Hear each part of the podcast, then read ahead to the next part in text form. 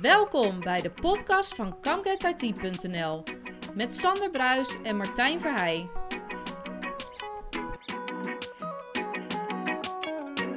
Aflevering 38 weer van de Come Get IT podcast. Uh, de eerste aflevering in het nieuwe jaar. Sander, jij bent er ook weer? Ja, absoluut. Ik uh, vind het wel weer bijzonder, want ik kijk nu weer virtueel naar je. Ja, gelukkig inderdaad. Want we zitten nu wel nog steeds uh, op afstand om te nemen. Want onze gast die voelde zich niet helemaal tip-top. Dus hebben we het zeker voor het onzekere genomen. Maar goed, in de tegenwoordige tijden is dat natuurlijk allemaal geen probleem.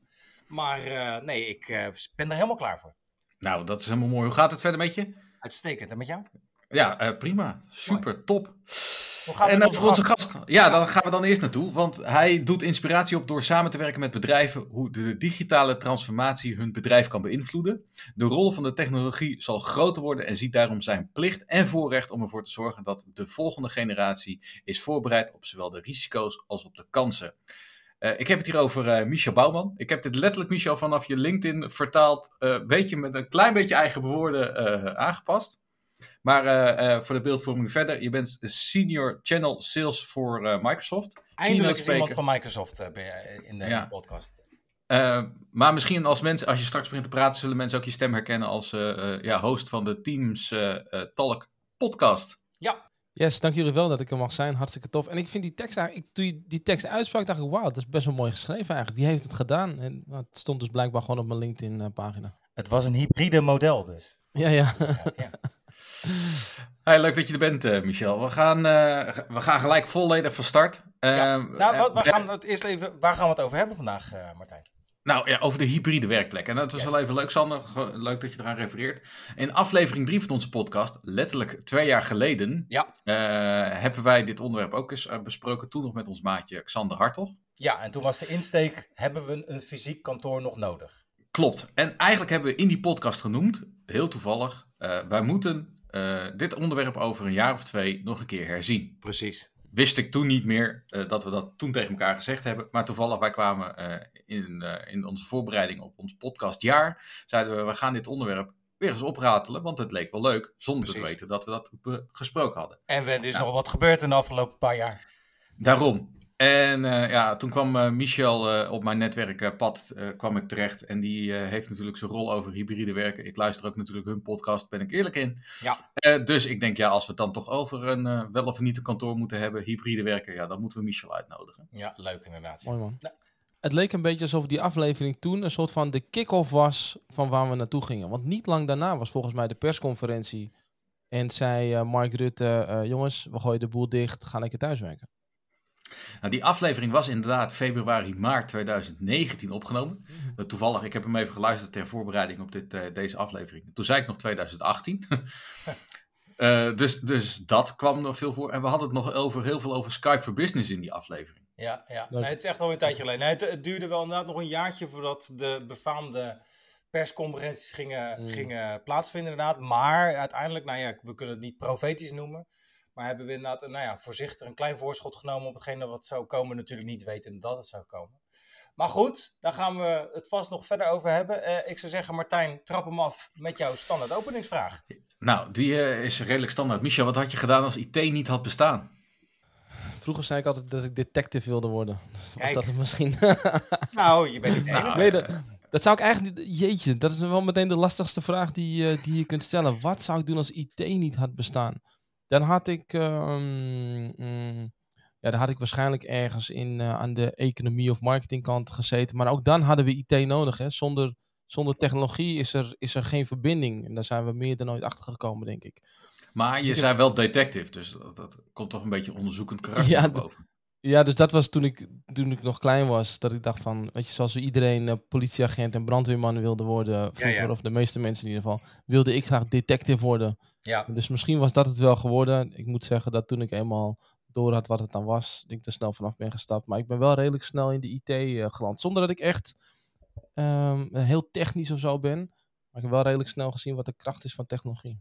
Ja. Nou, het, leuke, het leuke is van jouw antwoord weer. Als wij dit letterlijk iedere aflevering in een polletje zouden zetten, dan vinden we heel veel onderzoekende karakters eruit. Dus ja. dat is wel. Uh, Detectieve, ja. politieagent, uh, uh, James Bond-achtige of Sherlock Holmes-achtige uh, ja, insteek inderdaad. Het is allemaal al voorbij gekomen. Dus wat dat betreft inderdaad is er een bepaalde gemene deler onder IT is. We hebben kennelijk allemaal een bepaald onderzoekend karakter. Of iets in die geest in ieder geval. Nieuwsgierig karakter. Ja.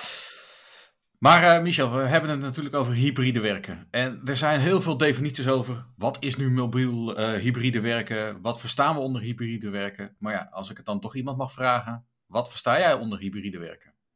Ik denk, misschien moeten we hem nog een stukje verder, uh, voordat we hem afbellen, misschien eerst nog een klein stukje hoger pakken. Want ik denk dat het de afgelopen twee jaar, het concept van werken, is helemaal veranderd. Absoluut. Dus ik denk dat we het met z'n allen wel eens kunnen zijn dat, we, dat bedrijven voor altijd zijn veranderd uh, dankzij de afgelopen of door de afgelopen twee jaar. Maar mhm. twee jaar geleden, als ik tegen mijn vrouw zei, schat, ik ga werken, dan betekende dat dat ik in de auto stapte, of in mijn geval ook wel in de trein, als ik naar, uh, naar ons kantoor ging op, op Schiphol. Het Microsoft Nederland kantoor zit op Schiphol. Ja. Uh, daar stapte ik in de auto of in de trein en daar ging ik werken.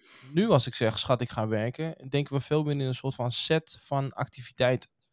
En ik denk ook dat als we dat dan doortrekken naar wat is dan, wat is dan hybride werken, dan is dat voor mij um, werken op een tijdstip manier en locatie die voor jou het beste uitkomt in je leven. en dat is je, je werkleven, maar ook je privéleven. Ik denk, en daar zullen we het zo ongetwijfeld over hebben, dat die twee werelden steeds meer in elkaar, eh, in elkaar verweven raken. Met alle goede en andere minder goede kanten. Maar het hybride werken is voor mij dus ook asynchroon werken, uh, uh, locatie onafhankelijk en tijd onafhankelijk. altijd, altijd kunnen werken en kunnen samenwerken. Ja, nou ja, dat, dat, je noemt het zelf uh, gelijk al. De afgelopen twee jaar zijn natuurlijk inderdaad, is de wereld uh, behoorlijk veranderd, uh, ook op, op, het gebied van werken. Ik constateer alleen wel dat als ik naar Nederland kijk, dat in de, de, periode dat mensen weer naar kantoor konden, dat dat ook weer massaal gedaan werd. Dus wat is dan uiteindelijk de sleutel tot het echte succes van hybride werken, als we dat zo mogen noemen? Omdat kennelijk er nog, nog steeds wel een hele grote hang is om terug te gaan naar dat kantoor en dat oude manier van werken. Of zie ik dat verkeerd? Nee, ik denk dat je, dat, je, dat je interpretatie van die eerste week hetzelfde is. Maar ik denk dat die met name gedreven is door het feit dat wij, uh, dat wij sociale dieren zijn. Dus wij willen graag bij elkaar zijn. En daarom leven we eigenlijk ook een beetje in een soort van rare paradox op het moment. 70% van alle individuen geeft aan uh, dat ze thuis willen blijven werken. Of dat ze in ieder mhm. geval de mogelijkheid willen houden om thuis te kunnen werken wanneer ze dat uh, uitkomt. Je ziet dat veel directeuren en directrices eh, eigenlijk hetzelfde daarover denken. En, en in beide categorieën zijn er verschillende uh, voordelen. Hè? Dus de, uh, de CXO's van deze wereld die zeggen: hey, we hebben minder kosten. Uh, doordat je minder ruimte in je pand hoeft te hebben. Nou, we gaan het zo meteen nog wel hebben over de rol van het kantoor of de nieuwe rol van het kantoor. Ja. dus je, je, hebt veel minder kosten. Er kijken steeds meer bedrijven kijken naar, naar hun, hun CO2-uitstoot. Dus die gaat behoorlijk omlaag. Er worden minder kilometers gemaakt met de auto's. Dus het zijn voor de CXO's allemaal goede, goede voordelen. Als individuen, dus als medewerkers, ik noem ons de minions. Uh, als, minions uh, als minions, en we zijn niet allemaal geel en we hebben wel twee ogen. Ja. Uh, zoals ook sommige minions trouwens, maar dat is een heel ander verhaal. Maar als, als medewerker vinden we het fijn dat we volledig onszelf kunnen zijn. Ik zit hier ook letterlijk in mijn korte broek. wel met sokken en slippers, wat een hele rare combinatie is. Maar dat is, en dat is hoe ik me het fijnst voel. Ik kan me niet herinneren wanneer ik voor het laatst hier in ieder geval in mijn thuiskantoor een overhemd aan heb gehad. Dus ik kan volledig mezelf zijn. Ik heb nog nooit zoveel tijd besteed met mijn gezin als, als in de afgelopen twee jaar. En dat vind ik fantastisch. Ik bracht altijd al mijn kinderen naar school, maar ik, ik haal ze tegenwoordig ook. En ik, ik besteed veel meer tijd met ze dan ik dat voorheen deed. Ja. Uh, we hebben op dit moment geen huisdieren, maar ook Nederlanders vinden het fijn om tijd met hun huisdieren door te, door te brengen. En ze vinden het fijn om tussendoor wat andere dingen te kunnen doen. Dus er zijn heel veel voordelen die we zien aan het, uh, aan het thuiswerken. Tegelijkertijd zegt uh, de 70% zegt, hey, ik wil dat thuiswerken, dat wil ik erin houden. Tegelijkertijd zegt een iets minder percentage, um, zo rond de 65%, die zegt van ja, maar ik wil ook meer weer het echte persoonlijke contact hebben. Ja. En dat is denk ik die rare paradox waar we nu met z'n allen in zitten. Dus de, de, eh, de korte versie van dit lange antwoord. Nee, je hebt gelijk. Maar ik denk met name dat het een soort van korte termijn ding is. Waar we allemaal erna hunkeren om elkaar weer gewoon eventjes in levende lijf uh, te zien. Ja. Maar daarna zal je zien dat iedereen weer zijn weg gaat vinden. En dat we veel meer uh, ja, onafhankelijk van locatie, dus veel meer thuis of op een andere plek gaan werken dan op, dan op kantoor. Ja, dus ik kan het, als ik het een beetje samenvat, ehm, kunnen we het zo zien dat de afgelopen twee jaar alleen meer een startschot is geweest dan de daadwerkelijke transitie. En staan we gewoon aan het begin, of zijn we in ieder geval in het proces van verandering nu aangeland. En zijn we nog niet op het punt dat we inderdaad dat het nou ja, normaal is om bij wijze van spreken twee dagen naar kantoor te gaan in drie dagen thuis. Dat, dat, zover zijn we dus kennelijk nog niet, wat jou betreft. Nee, maar ik denk dat Weet je, wij zeggen, wij, iedereen zegt altijd dat ze verandering tof vinden, totdat er bij hunzelf iets moet veranderen. En dat is nu dus ook weer. Hè? Dus we hebben, we hebben moeten leren hoe we van allemaal op kantoor, weet je, afhankelijk van het bedrijf waar je voor werkte. Binnen Microsoft werken wij al 14 jaar op deze manier. Dus voor ons was de overgang iets, iets minder lastig. Maar, ja, precies. Ja. Ehm, eh, dus je moest eerst leren van 100% op kantoor naar 100% online. En zometeen moeten we weer gaan leren van 100% online naar ja, dan die verhouding. En het ene bedrijf zegt, ja, je mag één dag thuiswerken of je mag twee dagen thuiswerken. Maar je ziet er ook best wel steeds meer bedrijven die zeggen, nee, we, we spreken wel een soort van fysiek minimum af dat we elkaar uh, zien. Om dat persoonlijk contact te houden. Maar verder, waar je dan werkt, is minder relevant. En het aantal uren wat je werkt is minder relevant. Het is veel meer output gedreven. Ja. En dat het, gaat om, uh, dat het gaat om hoeveel uren zit je nou achter je bureau. Maar even daarover gesproken. Eh, ik kan me heugen dat Microsoft een paar jaar geleden het kantoor in Nederland liet verbouwen. En bewust tegen de medewerkers gezegd, tenminste zo was het, uh, het bericht dat de wereld in natuurlijk is geholpen. Uh, werk zoveel mogelijk thuis of bij partners of bij klanten. Of, mhm. Is dat al voor jullie als Microsoft een aanzet geweest, qua Microsoft Nederland, zeg maar, om dit, deze vorm van hybride werken mogelijk te maken? dus 14 jaar geleden hebben we het concept van het nieuwe werken, zoals we dat noemden, hebben we naar Nederland gehaald. En dat betekent dat je niet zozeer wordt afgerekend op uh, hoeveel uren zit je nou precies op kantoor of hoeveel uren ben je aan het werk, maar het veel meer output gedreven is. Met als voordeel dat je, dat je mag werken waar en wanneer je wilt. Dus als jij om twee uur even niks meer te doen hebt, dan betekent het niet dat je tot, uh, van 2 tot 5 naar je favoriete nieuwssite of uh, YouTube-channel gaat zitten kijken op kantoor.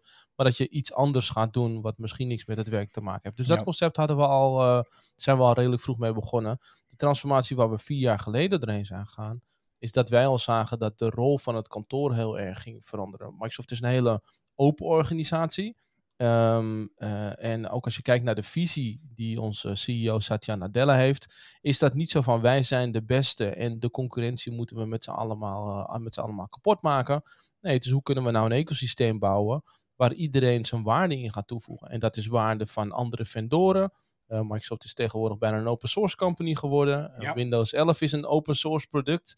Wie had dat uh, tien jaar geleden kunnen denken? Ja. maar ook de toegevoegde waarde van, van partners en de toegevoegde waarde van klanten is heel erg belangrijk. Dus we zijn goed gaan nadenken over wat is dat kantoor nou eigenlijk? En toen hebben we gezegd, we willen 75% van ons kantoor gaan we openstellen voor onze klanten en onze partners op dit moment natuurlijk gesloten uh, vanwege mm. wat er in de wereld speelt. Maar als we uh, hopelijk op niet al te lange termijn weer open kunnen, is iedereen welkom in het kantoor van Microsoft Nederland. Je komt daar aan, je komt naar binnen, uh, je meldt je wel het aan, want we willen graag weten wie er binnen is. En dan loop je daar binnen toe en daar is een werkplek voor iedereen. En dus krijg je veel meer, veel meer co-creatie en wordt de rol van het kantoor veel meer een ontmoetingsplek dan dat het echt een werkplek wordt. Is die thuiswerkplek dan na drie jaar dan ook niet veel belangrijker geworden, ook vanuit de visie van Microsoft? Die thuiswerkplek is denk ik altijd al belangrijk geweest in de visie van, uh, in de visie van Microsoft. Uh, volgens mij doen we alleen, alleen audio. Maar als je kijkt, mijn thuiswerkplek is vreselijk uit de hand gelopen. Dat gebeurt bij veel, uh, bij veel collega's. Ja. er zijn wel een, soort, een aantal van die, van die basisvoorwaarden, zeg maar. Waar je thuiskantoren aan zou moeten voldoen. Ik zie, ik zie mensen die in hun slaapkamer aan het werk zijn. Ja, dat is, ja. dat is gewoon niet gezond. Dan rol je letterlijk van je bed op je werkplek. En van je werkplek rol je weer je, je bed in. Als je s'avonds je slaapkamer inloopt, loop je dus eigenlijk je werkplek in. En dat is, ja, je, je hersenen kunnen daar gewoon niet mee omgaan. Hetzelfde, veel mensen werken aan de keukentafel. Ja. En, die, en, de, en de, uh, de keukentafel, om voor veel mensen om vijf uur gaat die laptop dicht. En dan wordt de keukentafel opeens weer gewoon de keuken. Ja, dus, dus, dus die, dus dat onderscheid vinden we nog moeilijk om te maken. En ik realiseer me heel goed dat niet iedereen het voorrecht heeft op een extra, extra kamer of een extra plek om echt te werken. Maar ik denk dat wel dat, wel dat, dat dingen zijn waar je bewust over na moet denken. Ik heb wat collega's die daar kleine trucjes voor doen. Dus ik heb een collega die heeft een bepaalde lamp. En op het moment dat hij gaat werken, zet hij die lamp aan. En als hij dan stopt met werken, gaat die lamp uit. En hij zegt dat dat voor hem heel goed werkt om de soort van het verschil te maken tussen wat is nou, wanneer is het nou een werkplek en wanneer is het nou een ander soort, uh, een ander soort plek. Dus die, die thuiswerkplek is altijd belangrijk geweest. Maar nog belangrijker is, hebben we de technologie die ons ondersteunt om daadwerkelijk altijd en overal te kunnen werken. En ik denk dat we daar in Nederland uh, bevoorrecht zijn met, ehm, met de infrastructuur die er ligt. Als het gaat om, om bandbreedte, datacenters, et cetera. Ja, absoluut. En is Nederland wat dat betreft een, een, een voortrekker of heeft een voortrekkende rol gehad? Uh, wat dat betreft voor de implementatie ook voor hybride werken in de afgelopen jaren. Door inderdaad het goed bekabelde land wat we hebben? Nou, je ziet wel dat, dat uh, Nederland en de Nordics zijn landen die voorliggen als het gaat om, om innovatie en adoptie. Ja. Dat zie je eigenlijk altijd wel als er nieuwe dingen zijn. Zijn wij en Zweden, Denemarken, Noorwegen meestal de landen die het als eerste, die het als eerste oppikken. Plus we hebben veel talent hier. Ik denk drie jaar geleden was onze CEO Satya Nadella was in Nederland. En toen vroeg ik hem wat is jouw keuze geweest om uh, een datacenter in Nederland neer te zetten en om een uh, research center voor uh, quantum computing te bouwen in Delft? En toen zei ja, het is heel simpel. Je hebt de infrastructuur en het talent zit er. Ja, dus dat is toen ja, de keuze geweest om dat hier te doen. En dus we hebben altijd wel een voortrekkersrol ook voor landen om ons, om ons heen. En komen mensen dan ook bijvoorbeeld van Microsoft naar Nederland om daarvan te leren? Is het inderdaad, wat ik zeg, inderdaad in zoverre ook een voortrekkersrol? Of gaat dat wat meer organisch binnen? In dit geval Microsoft wat dat betreft. Nee, je ziet dat ze op, op, op uh, campus, op, uh, op Corp in Redmond, dat ze daar nu door de fase heen gaan van veel meer open werkplekken, meer uh, werkplekken op basis van activiteiten. Ja. En, die, en de mensen daar komen inderdaad naar Nederland om gewoon eens te vragen, ja, hoe gaat dat nou? Hoe werkt het nou als iedereen aan een open tafel zit? We, krijgen daar weerstand of we vinden het heel mooi en hoe gaan jullie daarmee om en hoe zit dat in de cultuur? Ja. Dus, uh, nee, andere landen komen ook bij ons kijken om gewoon te leren hoe wij dat dan in Nederland doen. Ja, nou dat is goed te horen. En nou ja, we hebben het over, inderdaad over leren. Uh, nou, je gaf aan, het, het, het, proces is wat jullie betreft al 14 jaar geleden gestart. Even afgezien van de afgelopen twee jaar waar we het al, nou ja, al over gehad hebben. Wat zijn daarvoor leermomenten geweest? Want ik, ik ga even ervan uit dat 14 jaar geleden er nog niet... Uh, nou, bepaalde dingen waren uitgevonden of bedacht die in de loop van de, uh, in de, loop van de tijd wel nou ja, voorbij of bedacht, voorbij gekomen zijn of bedacht zijn. Kan je daar eens wat voorbeelden geven, ook uit wat, wat verdere historie wat dat betreft? Nou, ik denk dat, dat we hebben ontdekt dat er niet één antwoord is voor iedereen. Ik heb nog steeds collega's die vinden het fantastisch om, of die hebben het nodig om s ochtends om half negen het kantoor binnen te lopen en om vijf uur weer weg te gaan en altijd in dat hoekje op de derde verdieping te zitten. Ja, ja, ja. ja. En, dat, en ja. dat past heel erg in hun structuur. Uh, mijn dag ziet er weer heel anders uit. Ik breng 's ochtends de kinderen naar school. Mijn werkdag start niet voor 9 uur, kwart over 9.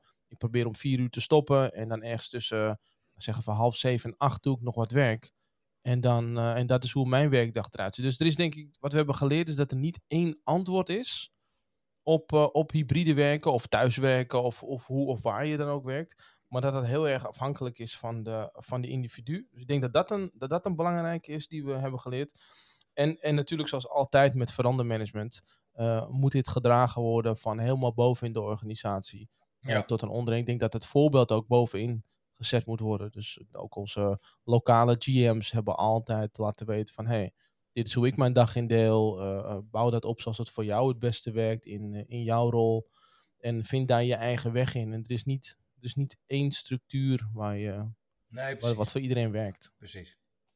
Nou zijn wij allemaal uh, vakidioten, ieder, helemaal idolaat van gadgets en leuke schermen en leuke dingen in de thuiswerkplek. Maar dat heeft natuurlijk niet iedereen.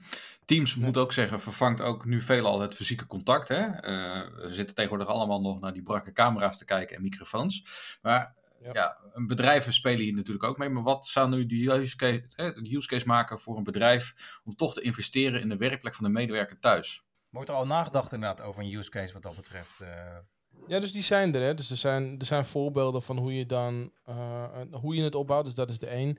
Maar we zien ook echt wel voordelen aan de productiviteit, uh, productiviteitskant. Dus er zijn onderzoeken die wijzen uit dat je um, uh, 100% van het werk in 60% van de tijd kunt doen. Dus die onderzoeken die bestaan er. er is een, een organisatie, heet Forrester, die doet onderzoek naar de total economic impact van technologie. Die hebben ook teams onder handen genomen. En volgens mij is het cijfer uh, twee uur per medewerker per week um, uh, uh, besparing. Nou, dat is natuurlijk dat is een hoop tijd. En als je dat dan eventjes terug, terugbrengt naar, naar wat dat dan oplevert in euro's of in dollars of whatever voor currency je gebruikt, dan is dat een behoorlijke, behoorlijke besparing. Um, en, nou, en daar dan nog bij wat je minder geld kwijt bent aan kantoor, aan reiskosten, et cetera. Want in die, in die verhuizing vier jaar geleden hebben wij ook gezegd, we gaan ons kantoor verkleinen met 30%. Mhm. Dus we hebben 30% van de ruimte op kantoor teruggegeven aan de Schipholgroep. Ons kantoor is, uh, wordt gehuurd van de Schipholgroep. Ja. Uh, teruggegeven aan de Schipholgroep, omdat we zeiden, nee, we gaan het met minder ruimte gaan we het, uh, gaan we het doen wat, wat goed is voor de kosten. maar anderzijds ook goed is voor de, de ambities die we hebben rondom, rondom sustainability. Dus ik denk dat er genoeg rekenvoorbeelden al beschikbaar zijn die aantonen dat inderdaad het, het waard is om te investeren in een goede thuiswerkplek voor je mensen. Uh, omdat je enerzijds productiviteitswinst hebt, maar ook een groot stuk minder kosten hebt, doordat je minder mensen op kantoor hebt. Moeten we dan allemaal masseren, uh, of investeren in goede microfoons en goede camera's? Of zeg je van nou, uh, er zijn meer oplossingen wat verstandig maakt om misschien aan je medewerker mee te geven, los van een bureau en een stoel? Nou, dus ik denk, bureau en stoel is denk ik basis van, basis van alles. Maar blijkt ook wel, dus wij brengen zogenaamde, of die brengen wij niet uit, wij certificeren alleen, maar er zijn teams gecertificeerde apparaten zijn er. Dus uh, Logitech maakt headsets, Jabra maakt headsets, uh, Poly maakt headsets, dus er zijn een heleboel verschillende vendoren. En die hebben dan de, de Microsoft certificering, waardoor de Teams functionaliteiten zijn ingebouwd in je microfoon en, en, in, je, en in je speaker.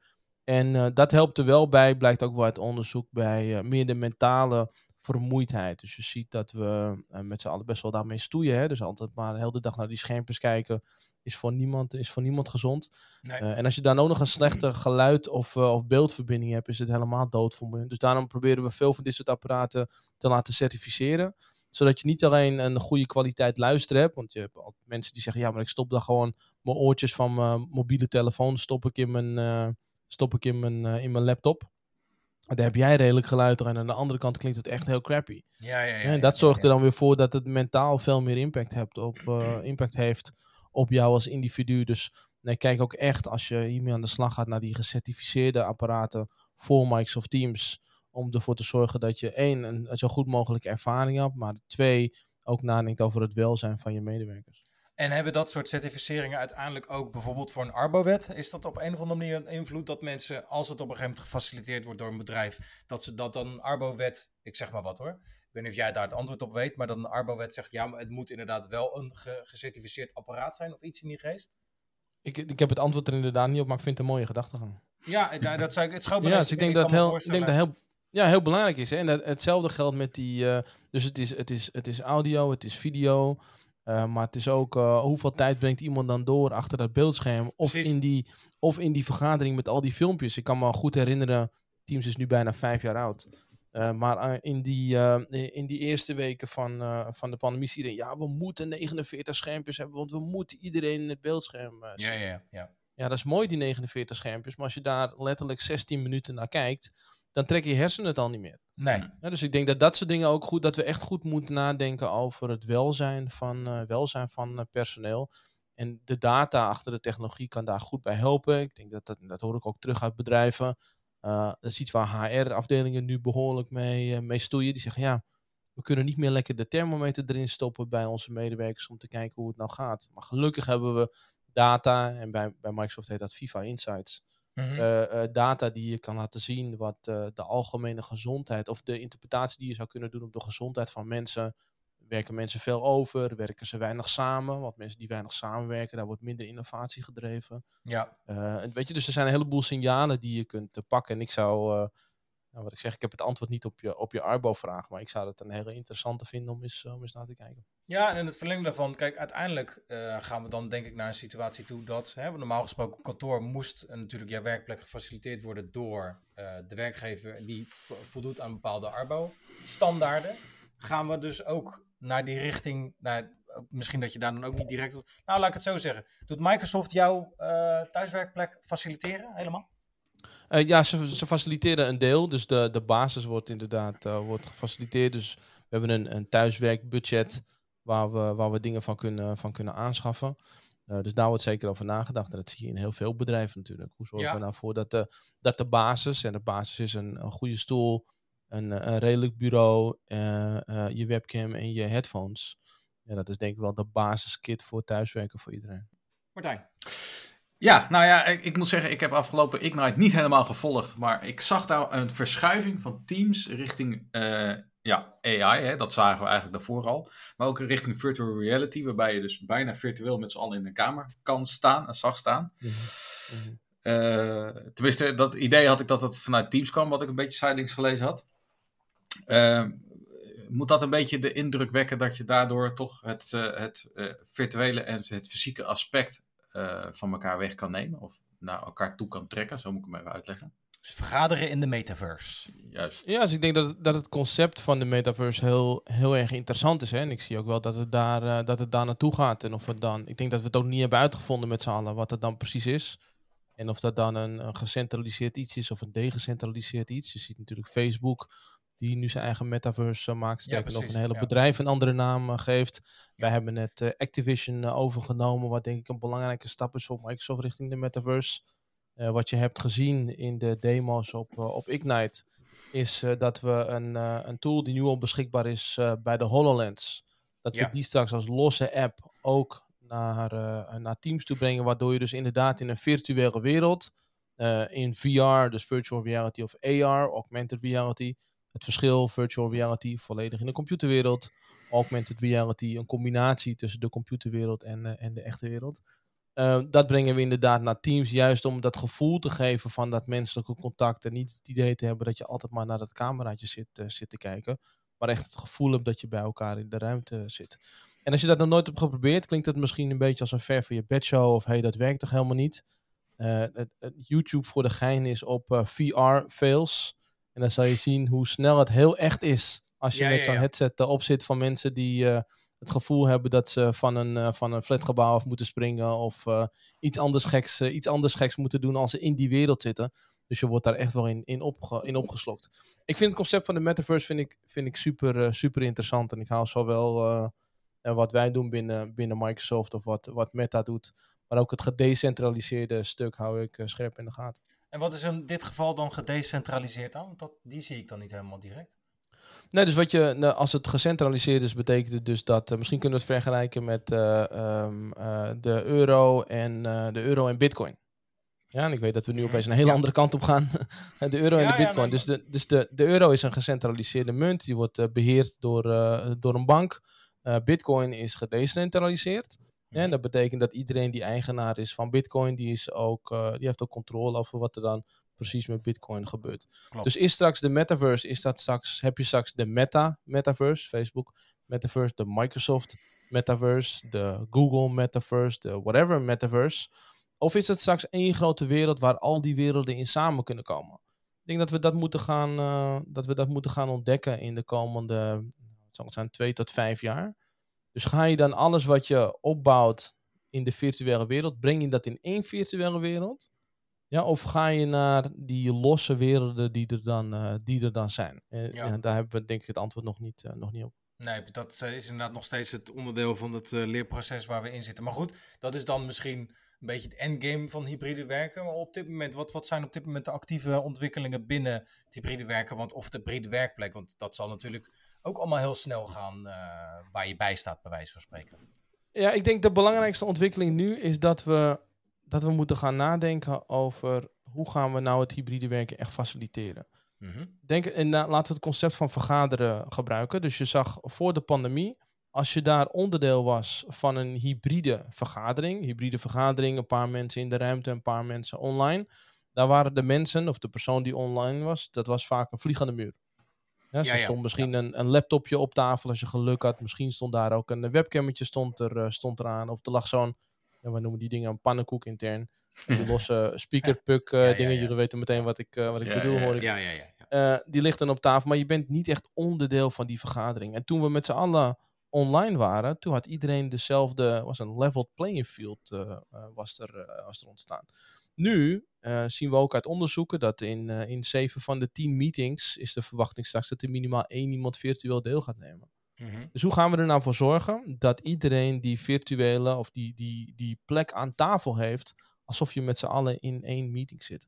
En daardoor zie je dat uh, uh, Teams Meeting Rooms, uh, dat dat een hele belangrijke volgende stap is waar we nu met z'n allen doorheen gaan. Dat, dat die producten zijn, zijn niet nieuw. Er zijn verschillende vendoren die dat maken, maar dit gaat verder dan alleen maar een webcam in een meetingruimte zitten. Dit gaat, hoe gaan we ervoor zorgen dat je allemaal het gevoel hebt dat je op één plek bent? En dat begint denk ik al met eens na te denken over hoe ziet mijn vergaderruimte er nou uit. Je ziet veel klassieke vergaderruimtes met die vierkante of rechthoekige tafel en iedereen zit daaromheen. En dan ergens linksachter hangt er dan een webcammetje en een beeldscherm waar mensen op mee kunnen kijken. Uh, ga nou eens kijken of je die, uh, of je die meetingruimtes misschien in een halve maan kan neerzetten. We noemen het de panorama view. In een halve maan kan neerzetten. Met die Microsoft Teams rooms uh, recht voor je. Waardoor je iedereen ook recht in de ogen aankijkt. En het gevoel hebt dat als dat je met elkaar aan dezelfde tafel zit. En we lanceren daar op hele korte termijn een nieuwe feature in Microsoft Teams Rooms. Dat heet Front Row. Waarbij dus ook alle videobeelden naar beneden gaan verschuiven. Maar waar we ook features als spatial audio. En dat betekent dus dat als iemand van links iets zegt, dat het geluid ook van links komt. Of als iemand van rechts iets zegt, dat het geluid van rechts komt. Dus dat zijn dingen om ervoor te zorgen dat iedereen het gevoel heeft dat ze, op, uh, dat ze in dezelfde ruimte zitten en dat iedereen echt onderdeel is van de vergadering. En ik denk dat dat op het gebied van, van hybride werken, dat dat een hele belangrijke wordt in de komende maanden. Nee, zeker.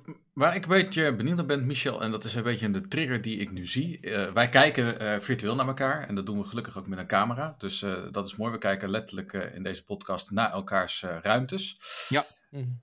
Achter jou hangt een scherm en dat triggert mij van, ja, hey, dat is leuk, zo'n scherm. Dat willen we allemaal. We zijn tenslotte verrekening techniek, techneuten. wat voor, hoe ziet jouw office eruit als specialist bij Microsoft?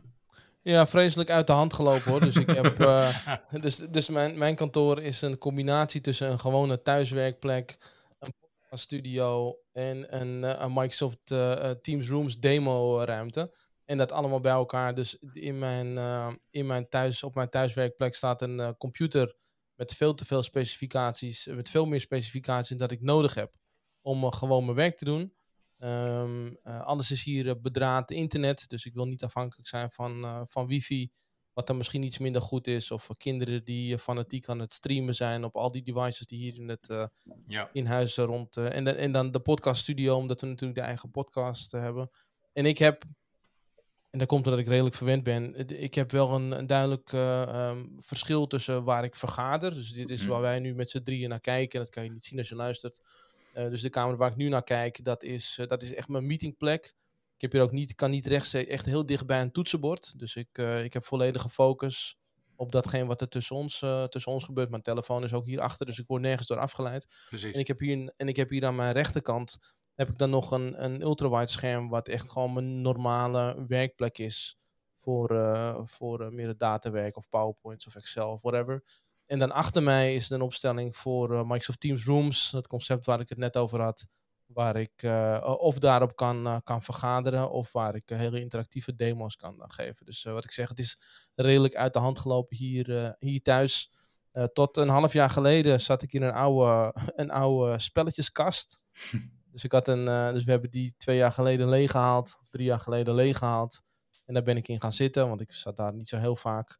Um, maar toen het wel duidelijk werd dat uh, dit allemaal niet meer ging, uh, ging veranderen, toen heb ik tegen, tegen mijn vrouw gezegd, schat, we moeten echt kijken of ik wat meer uh, ruimte kan hebben. Want ik zat op anderhalf bij anderhalf. Ja, dat zonder, is een beetje, ja. Zon, zonder deur, wel met een gordijn. Was het gordijn dicht was, was er geen zuurstof. Dus het was echt, het was eigenlijk ellendig. Dus wij hebben geïnvesteerd in, in een echte plek. Wat een beetje is zoals het vroeger was.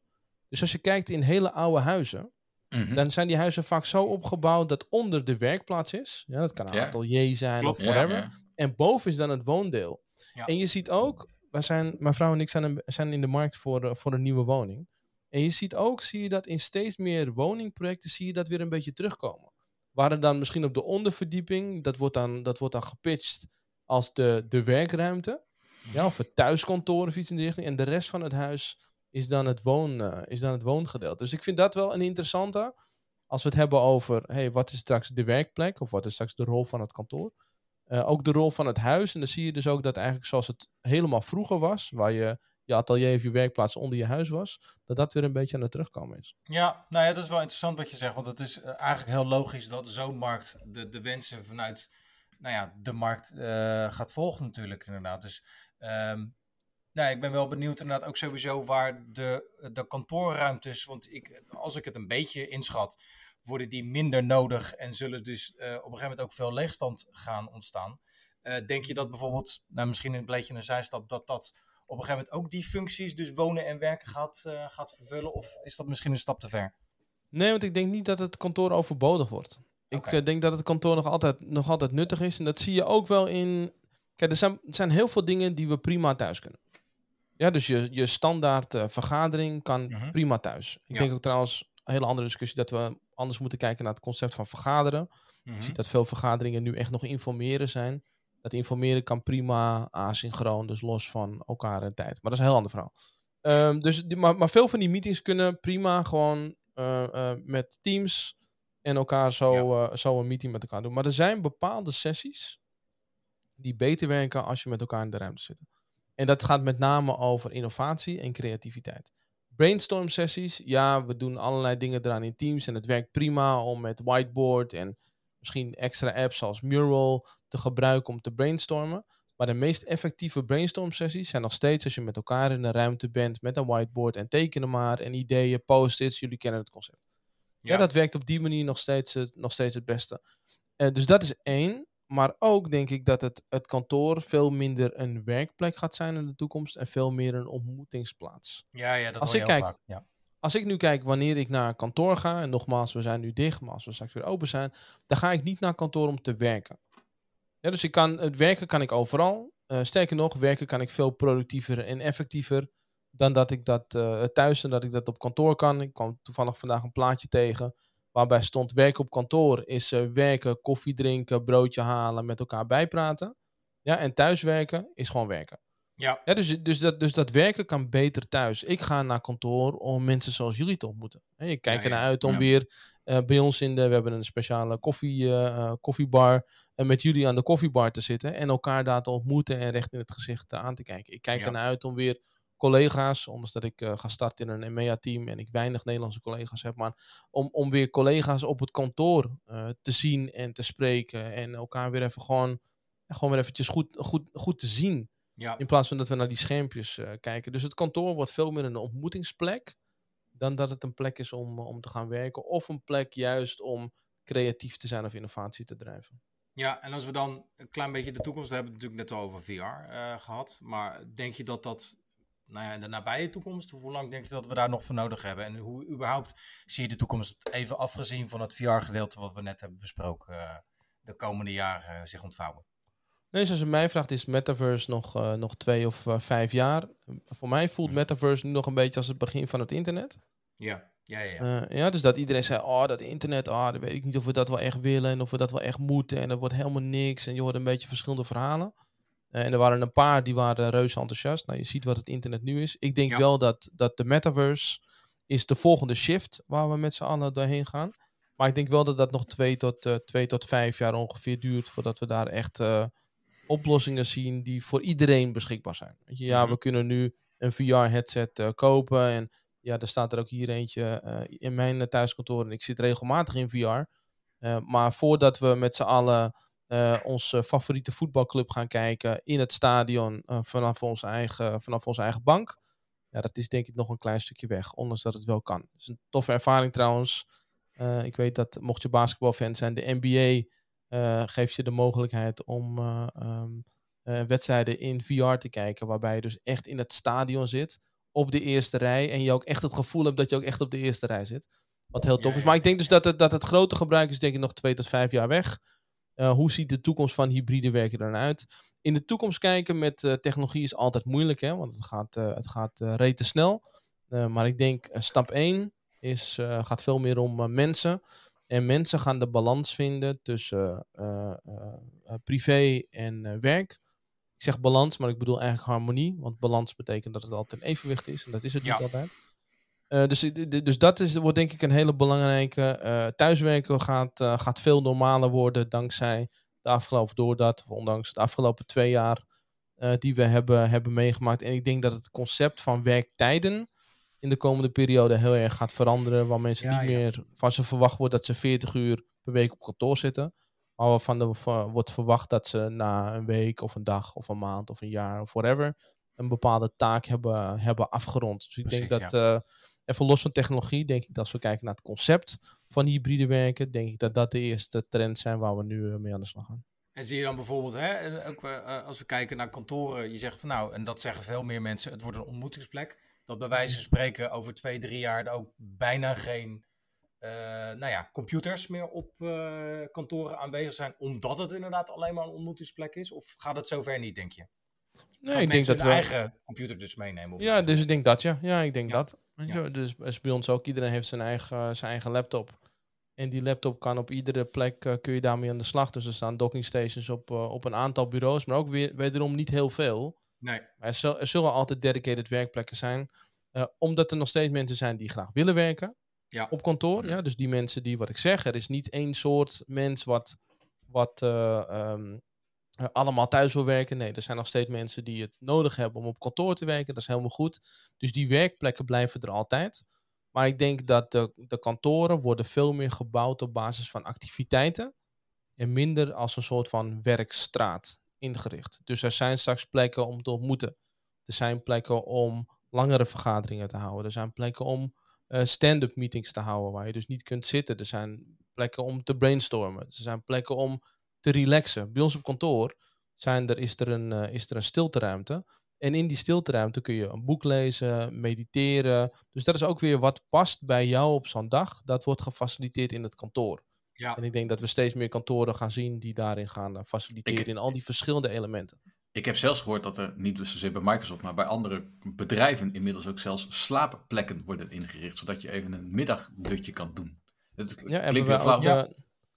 In, het oude, in, ons oude, uh, in ons oude kantoor, dus uh, vier, vijf jaar geleden, toen uh, hadden we een slaapruimte. Dat was de, de meest bekeken ruimte in, in, het, in het bedrijf. Ik moet ook zeggen dat je daar niet kon slapen, want daar was op de benedenvloer en er komen geloof ik 40 tot 60.000 bezoekers alleen al ieder jaar op het Microsoft kantoor kijken, dus je kon daar echt niet slapen.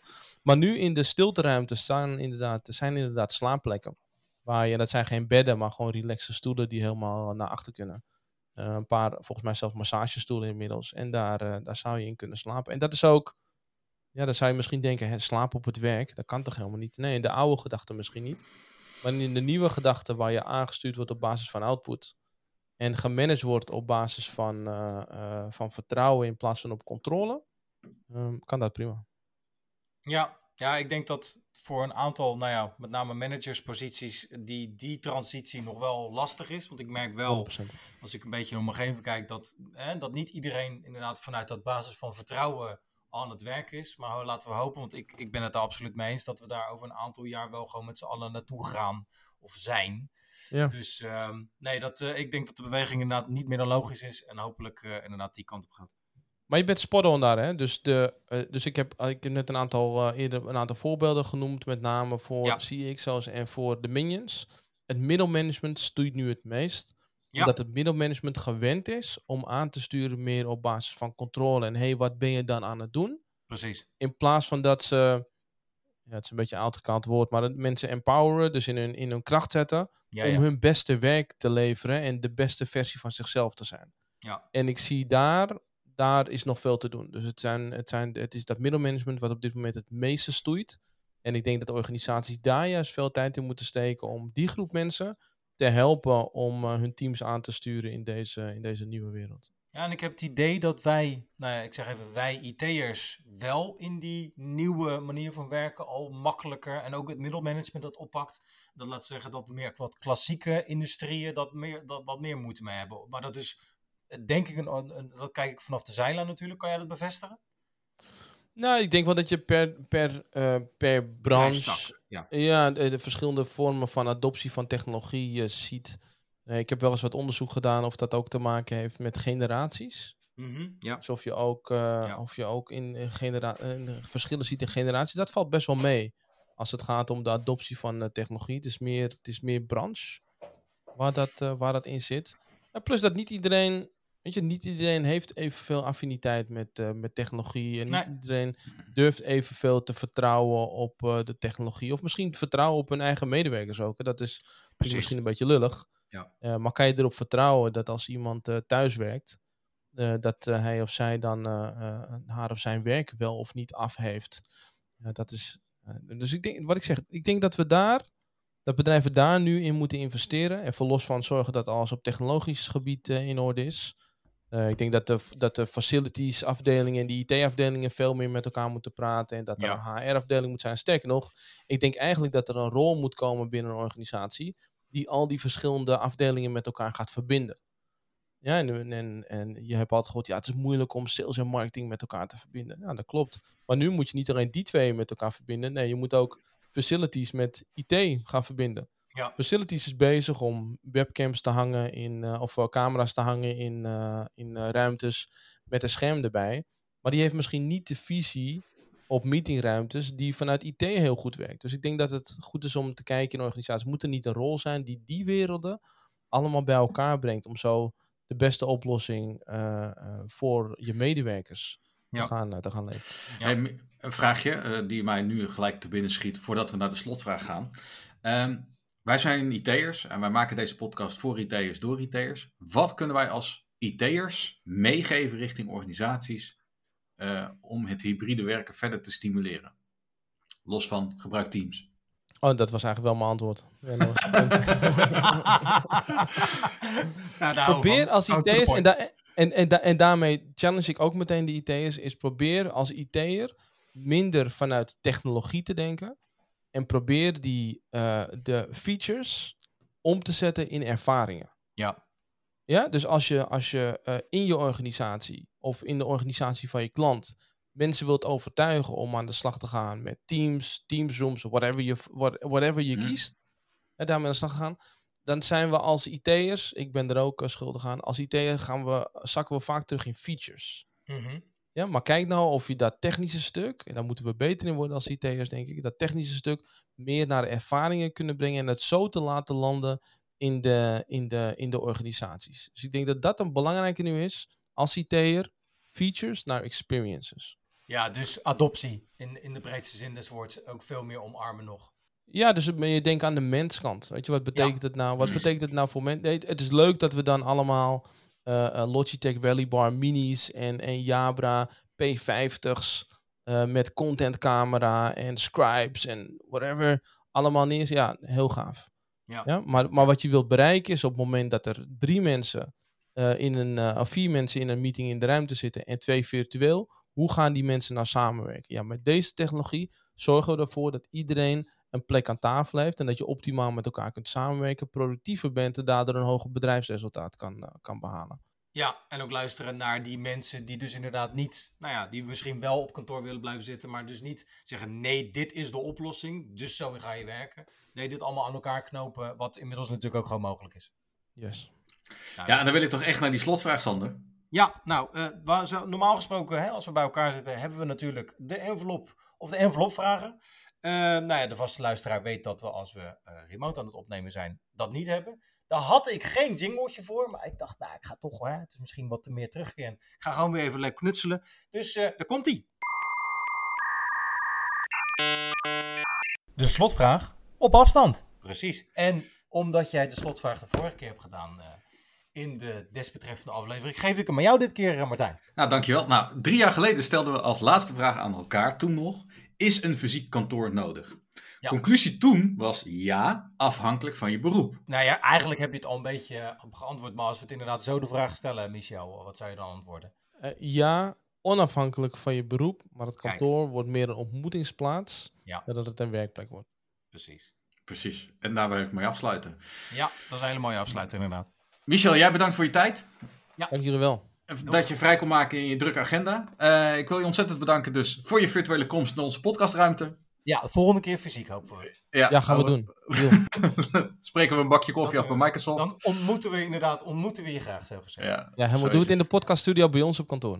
Super. Lijkt me tof. Ja, ja. houden we. Spreek, spreken we af. Hey, succes uh, ja, met jullie podcast natuurlijk. Ik zal zeker weer blijven luisteren. Mocht je wat meer informatie over jou willen weten, waar kunnen we dat dan terugvinden? LinkedIn is uh, altijd de beste manier om mij uh, te vinden. Michel Bouwman, B-O-U-M-A-N. daar deel ik veel teams, tips en tricks. Uh, en vind je ook de meeste van, uh, van mijn content. Of luister gewoon de, of de Teams uh, Talk podcast natuurlijk. Hè? Yes. yes. Oké, okay. hey, dankjewel. Dank jullie wel. Ja, en tot de volgende. Tot de volgende. Bedankt voor het luisteren naar de podcast van CamGetIT.nl. Wil je meer weten? Heb je vragen, suggesties of opmerkingen? Bezoek dan onze website www.comegetit.nl If you want some, baby, come and get it. If you need some, baby, come and get it. If you want some, baby, come and get it. If you need